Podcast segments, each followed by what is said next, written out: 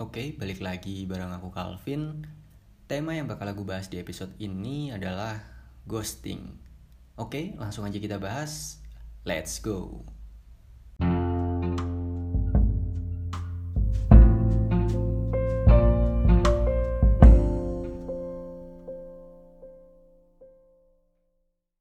Semua dari kita pasti pernah jadi korban atau bahkan pelaku ghosting.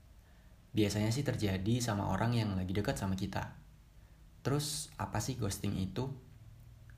Ghosting itu suatu kondisi di mana kamu lagi dalam suatu hubungan yang awalnya komunikasi terjadi secara intens, kemudian dihentikan secara sepihak tanpa adanya penjelasan. Biasanya yang kayak gini tuh terjadi pas lagi masa-masa pendekatan, dan ghosting ini sebenarnya dibagi jadi dua macam sih. Yang pertama, sudden ghosting. Jadi ghosting jenis ini tuh dilakuin secara tiba-tiba. Gak ada tanda apa pun. Misal nih, kamu lagi masa-masa pendekatan. Taruh kata sebulan lah. Kamu cuma dekat lewat chat atau telepon, terus janjian buat meet up. Nah, pas meet up itu mungkin dia kurang serak sama first impression ke kamu atau mungkin entah ada sesuatu yang kamu lakuin secara nggak sadar bikin dia ilfil. Atau mungkin emang dari awal nggak sesuai sama ekspektasi yang dia taruh ke kamu. Langsung deh, abis ketemuan tadi pas kamu chat atau telepon lagi, dia udah bener-bener nggak ada respon. Kayak hilang nggak ada jejak gitu. Kemudian yang kedua, yang kedua ini adalah gradual ghosting. Beda sama sudden ghosting yang tadi gradual ghosting ini dilakuin secara perlahan. Jadi sebenarnya kalau kamu orang yang peka, si pelaku ini biasanya udah ngasih tanda ke kamu. Mulai dari yang tadinya gercep kalau kamu hubungin terus jadi slow respon, terus yang tadinya punya interest ke kamu jadi kayak ogah-ogahan ngegubris kamu. Atau mungkin biasanya diajak ketemu nggak pernah nolak, sekarang jadi makin banyak alasan. Tapi ghosting ini damage-nya nggak sesakit uh, dibanding sudden ghosting tadi sih pasti ada pertanyaan. Kenapa sih harus ada ghosting? Apa yang membuat pelaku ini ngelakuin ghosting? Sebenarnya ngelakuin ghosting ini menurutku nggak 100% salah dan nggak 100% benar juga sih.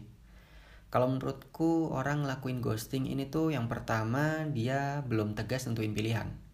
Bisa jadi si pelaku emang bener-bener pengen nyari orang yang bisa sefrekuensi dan sesuai sama ekspektasinya dalam hal cari teman atau pasangan takut kalau sampai salah pilih.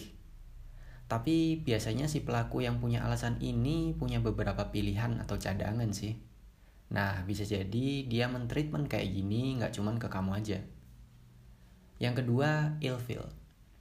Nah, kayak yang udah aku sempat bahas tadi, bisa jadi si pelaku ini ilfeel sama kamu entah dari cara komunikasi, penampilanmu, atau mungkin hal-hal kecil yang kamu lakuin di depan dia secara nggak sadar. Yang ketiga, ngerasa privasinya terganggu. Kalau menurut pengetahuanku sih ini alasan yang paling sering terjadi. Misal kamu nanya hal-hal yang annoying banget, mulai dari tanya tentang masa lalunya, terus juga terlalu posesif sama dia, dan ngeganggu waktu dia. Kan kadang ada tuh yang suka ngehubungi tapi nggak tahu waktu. Nah kalau saranku sih biar nggak ngalamin ini ya hargai privasi orang dan jangan maksa kalau dia nggak mau ngasih tahu apa yang kamu kepoin. Kemudian yang terakhir dia udah nemu yang lebih baik dari kamu. Ya kalau ini sih no debat lah ya. Berarti tandanya kamu harus sadar diri dan segera putar haluan.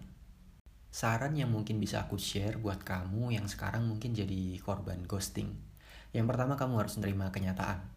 Sakit hati itu wajar sih, justru bikin kamu lebih siap dan dewasa nantinya. Harus yakin kalau pengalaman buruk ini nggak ngedefinisiin dirimu. Yang kedua benar-benar tahan buat nggak ngontak dia lagi. Biar kamu nggak stuck di perasaan itu-itu aja. Kemudian yang ketiga, disyukuri aja lah.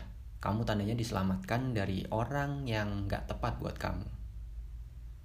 Kesimpulannya, ghosting belum tentu menjadi kesalahan orang yang menjadi korban. Dan juga nggak dibenerin buat si pelakunya. Semua ada plus minusnya sih.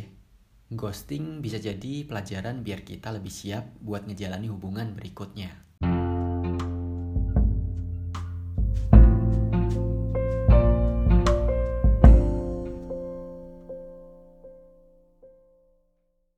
Terima kasih yang udah dengerin dari awal sampai akhir.